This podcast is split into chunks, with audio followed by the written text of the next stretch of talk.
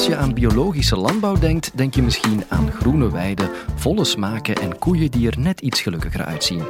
Maar niet alles wat biologisch is, is ook echt beter. Expert gewasbescherming Pieter Spanogen laat zien dat het gras niet steeds groener is aan de biologische kant. Is biologisch echt beter? Dit is de Universiteit van Vlaanderen. 19 mei 2019.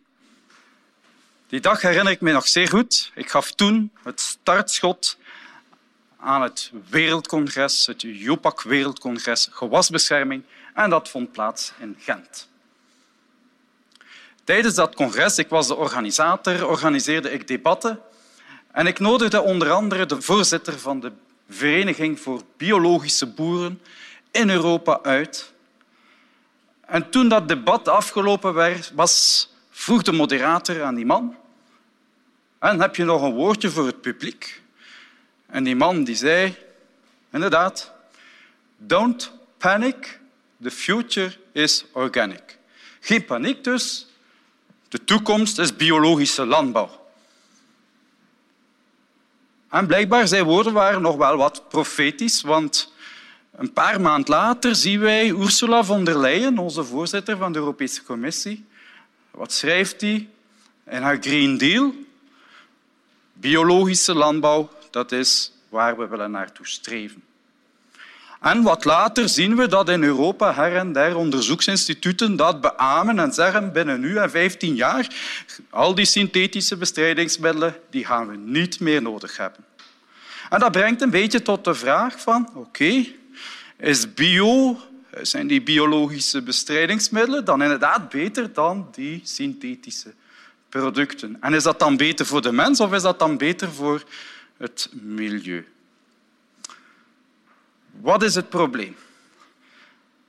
Planten, net als mensen, u en ik, worden eigenlijk ook ziek. Het eerste probleem van die planten is dat zij kunnen beschimmelen. En dan zie je dat dat blad enzovoort helemaal bruin kleurt. Het tweede probleem is mogelijk dat dus uiteindelijk die insecten daarop lopen en daar stukjes uiteten. En niet alleen van de bladeren, maar ook van de vruchten. Derde probleem is, oké, je hebt niet alleen schimmels, maar je hebt ook bacteriën en je hebt zelfs virussen en die tasten die plant aan, niet alleen van boven, maar ook in de wortel. En dan heb je wortelrot. En dat zie je niet van bovenaan, maar dat zie je dan wel na een paar maanden dat je boom en je plant helemaal rood is. Dus ja, als land- en tuinbouwer, dat willen we niet. En als moestuinier, ja, dat willen we dan ook niet. De mens is daarmee met een oplossing gekomen. En wanneer was dat? Dat was in de jaren 40 van de vorige eeuw. Toen ontdekte men de synthetische gewasbeschermingsmiddelen. Dat zijn chemische moleculen die een mens in de fabriek maakt. Dat zijn herbiciden, herbiciden tegen onkruiden. Dat zijn fungiciden, fungiciden tegen schimmels. Dat zijn insecticiden tegen insecten. En omdat die daar eigenlijk wat nadeel hadden, wat neveneffecten, is de biologische landbouw gekomen. En die biologische landbouw die heeft gezegd, oké, wij willen uh, andere middelen. Oké, onze planten die worden ook ziek, wij zitten met datzelfde probleem, maar eigenlijk willen we geen bestrijdingsmiddelen toepassen, maar we hebben ze toch nodig. En wat zijn dan die middelen? Je hebt een aantal grote groepen en een gekende groep zijn de natuurlijke vijanden. Dat zijn een soort van roofinsecten en die roofinsecten die eten de plaaginsecten van uw plant op. Je hebt daarnaast ook plantenextracten. Die plantenextracten, bijvoorbeeld plantaardige olie, en die olie die kan uw insect gaan verstikken. Die plantextracten hebben natuurlijk wel wat problemen. Ze komen van planten en seizoen per seizoen kunnen ze wat wijzigen. En de zuiverheid van dat extract is ook niet elk jaar dezelfde, zodanig dat ze niet altijd even goed werken. Wat vreemd in het mandje van de bioboer vind ik persoonlijk zijn de producten als koper en zwavel. Die koper die haal je uit de kopermijnen in Afrika en die zwavel die wordt gewonnen uit aardolie. Maar het is zoals de biolandbouw voorschrijft, het is wat de natuur ons aanreikt en het is niet door de mens gemaakt. Komen we dan eigenlijk tot de vraag van oké, Inderdaad, we kiezen als weldenkende mens voor biologische landbouw en we zeggen die bestrijdingsmiddelen hebben we niet nodig. En dan stelt u de vraag, is dat eigenlijk wel zo? Is dat inderdaad zo dat we die middelen niet nodig hebben? Toen ik klein was, hadden we in onze tuin een grote appelboom. En die appelboom was nog een oud appelras en die gaf van die mooie rode appels. En telkens als ik naar school ging, dan nam ik zo'n appel mee. En ik kon die eigenlijk zo heel mooi doen blinken en dat blonk dan als een spiegel. Maar iedere keer dat ik daar wilde een hap uitnemen, dan moest ik wel een beetje opletten. Want wie vond die appel ook zo lekker? Dat was Anneke Tek en Jantje Nul. En wie zijn Anneke Tek en Jantje Nul? Die, die, dit zijn dus eigenlijk de rupsjes. En die boren zo een gaatje in die appel en die zitten dan in dat klokhuisje. En dan stel je natuurlijk de vraag van oké, um, in dat klokhuis, geen probleem, we snijden dat stukje daaruit. En dan is het opgelost. Ik moet ook zeggen, uiteindelijk, dat het pas een keer dat toen ik aan de universiteit was, dat eigenlijk mijn frank begon te vallen, wat het verschil was en waarom dat eigenlijk, ja, rupsje nooit genoeg voor de kinderen, dat rupsje nooit genoeg wel in mijn appel in de tuin zat, maar dat hij niet in de appel in de winkel zat. Het antwoord was natuurlijk, ze worden behandeld. En waarom worden ze behandeld? Oké, omdat de appelboer zegt van, eigenlijk, ik kan dus eigenlijk niet al mijn appels telkens daar een stukje gaan uitsnijden. Want op het einde van de rit heb ik eigenlijk een opbrengst die zoveel minder is. En de wetenschap heeft dat wat uitgerekend. En heeft gezegd, de opbrengst verliezen door schimmels, door planten, door onkruiden, dus door eh, insecten, dat komt ongeveer overeen met 30 procent. Dat wil dus zeggen, als wij geen bestrijdingsmiddelen meer hebben, dan gaan we op het einde van de rit, als we in de winkel komen, ongeveer 30 procent meer moeten betalen, omdat we dus 30 procent minder opbrengst hebben. Maar dat wil ook zeggen, en dan hoor je dan, oké, die biologische mensen, laten we dat allemaal ook vandaag lokaal doen. Maar als je 30% minder opbrengst hebt, dan wil dat ook zeggen dat je 30% meer landoppervlak nodig hebt. En daar knelt nu precies het schoentje in Vlaanderen en in België. We hebben die landbouwoppervlak niet voorhanden. Komen we dan eigenlijk aan de vraag, oké, we gebruiken die bestrijdingsmiddelen. En of dat nu natuurlijke of synthetische middelen zijn, kunnen we onze vraag stellen, is dat niet gevaarlijk? Eerst en vooral moeten we goed weten dat die landbouwer eigenlijk niet zomaar mag toepassen wat dat hij wil en zoveel dat hij wil enzovoort.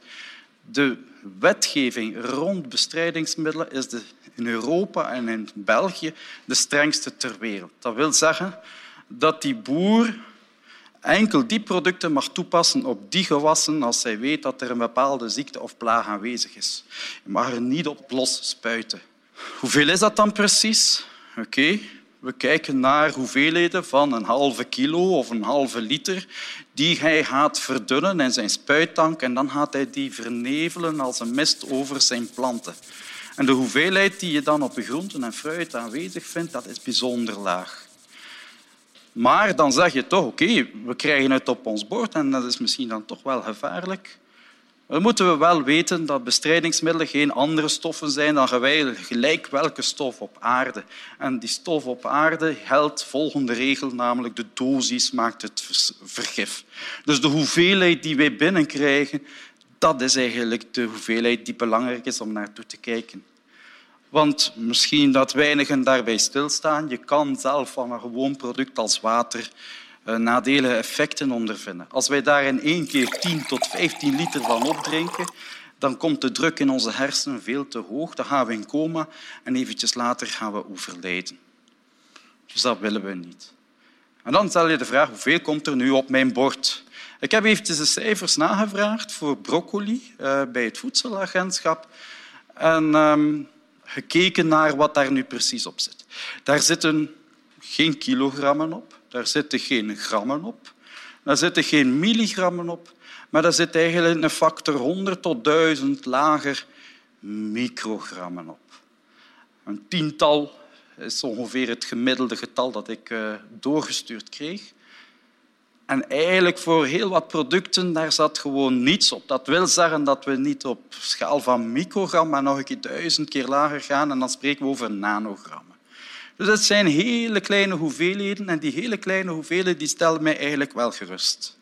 Ik mag een grote hoeveelheid eten en uiteindelijk weet ik van, ik ga daar geen nadelig effect van die bestrijdingsmiddelen daarop aanwezig ondervinden. Ik mag zelf een vegetariër zijn en ik mag s morgens, middags en s avonds groente en fruit eten. En nog heeft de wetenschap aangetoond dat we dus hele lage hoeveelheden binnenkrijgen waar dat we ons geen zorgen om mogen maken. En die hele lage hoeveelheden die worden daarboven nog een keer heel streng gecontroleerd door de veiling en door de markt. Dat wil zeggen, dagelijks doen die honderden controles. Dus de hoeveelheid die wij via de winkel op ons bord krijgen, zijn geen hoeveelheden waar we als mens eigenlijk ongerust over moeten zijn. Maar dan kijk je naar de natuur. Het is logisch dat een veilige dosis voor de mens niet noodzakelijk een veilige dosis is voor onze natuur.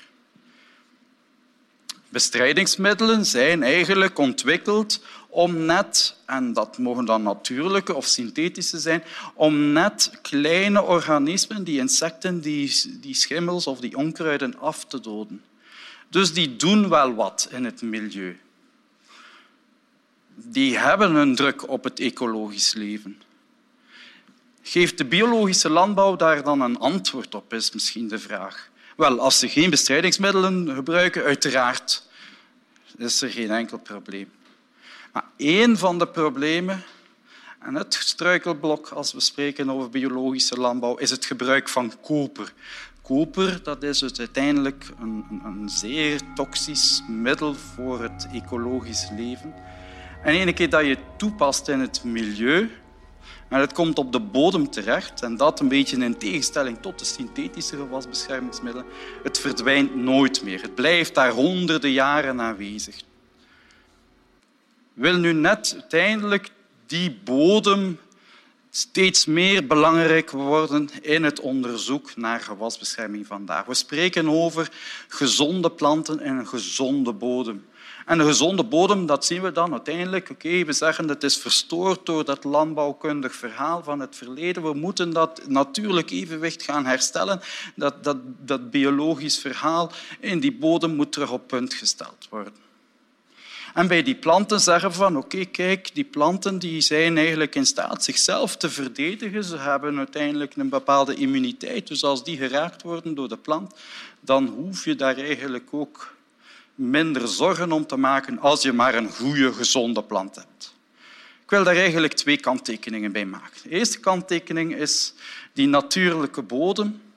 Je moet weten dat de planten of de gewassen vandaag in Vlaanderen niet oorspronkelijk in Vlaanderen stonden. En dan spreek ik over een paar duizend jaar geleden. Dus uiteindelijk, die planten die zijn vandaag gaan staan in een vreemde bodem. Dus dat wil zeggen, als je dat vergelijkt met de bodem waar dat ze vandaan komen, en ik neem het voorbeeld van de aardappel. Aardappel is overgenomen vanuit Amerika. Met de ontdekking van Amerika is de aardappel naar Vlaanderen gekomen. Dus die aardappel die staat hier in een vreemde grond. Dus dat natuurlijk evenwicht is misschien niet optimaal.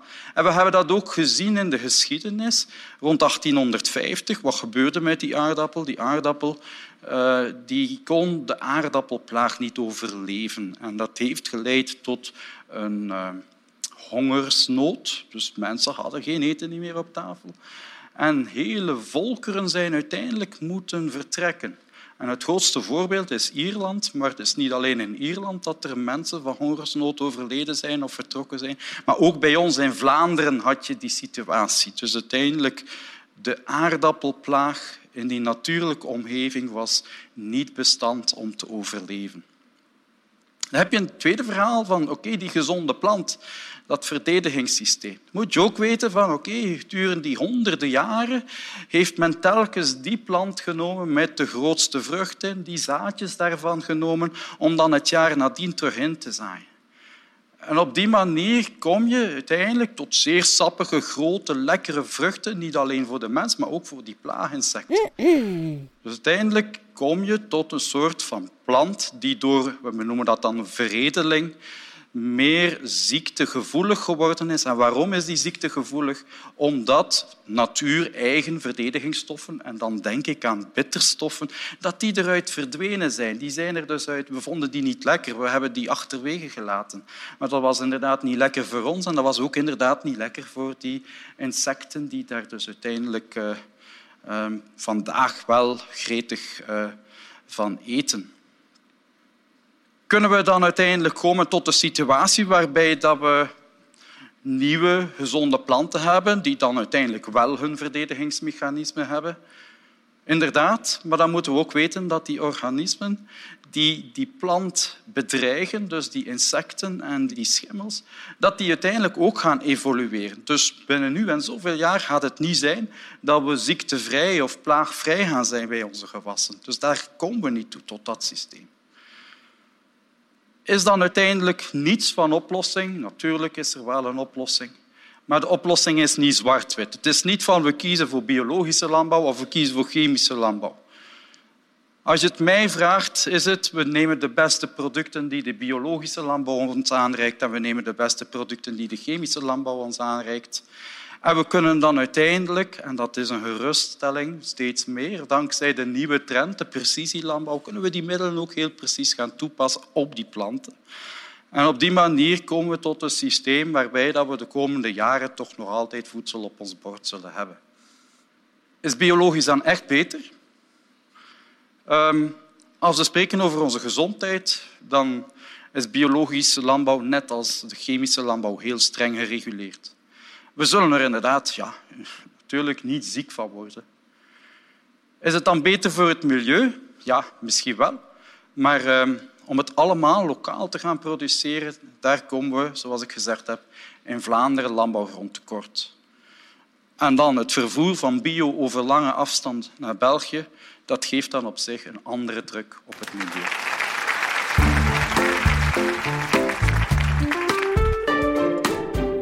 Wetenschap is meestal een genuanceerd verhaal.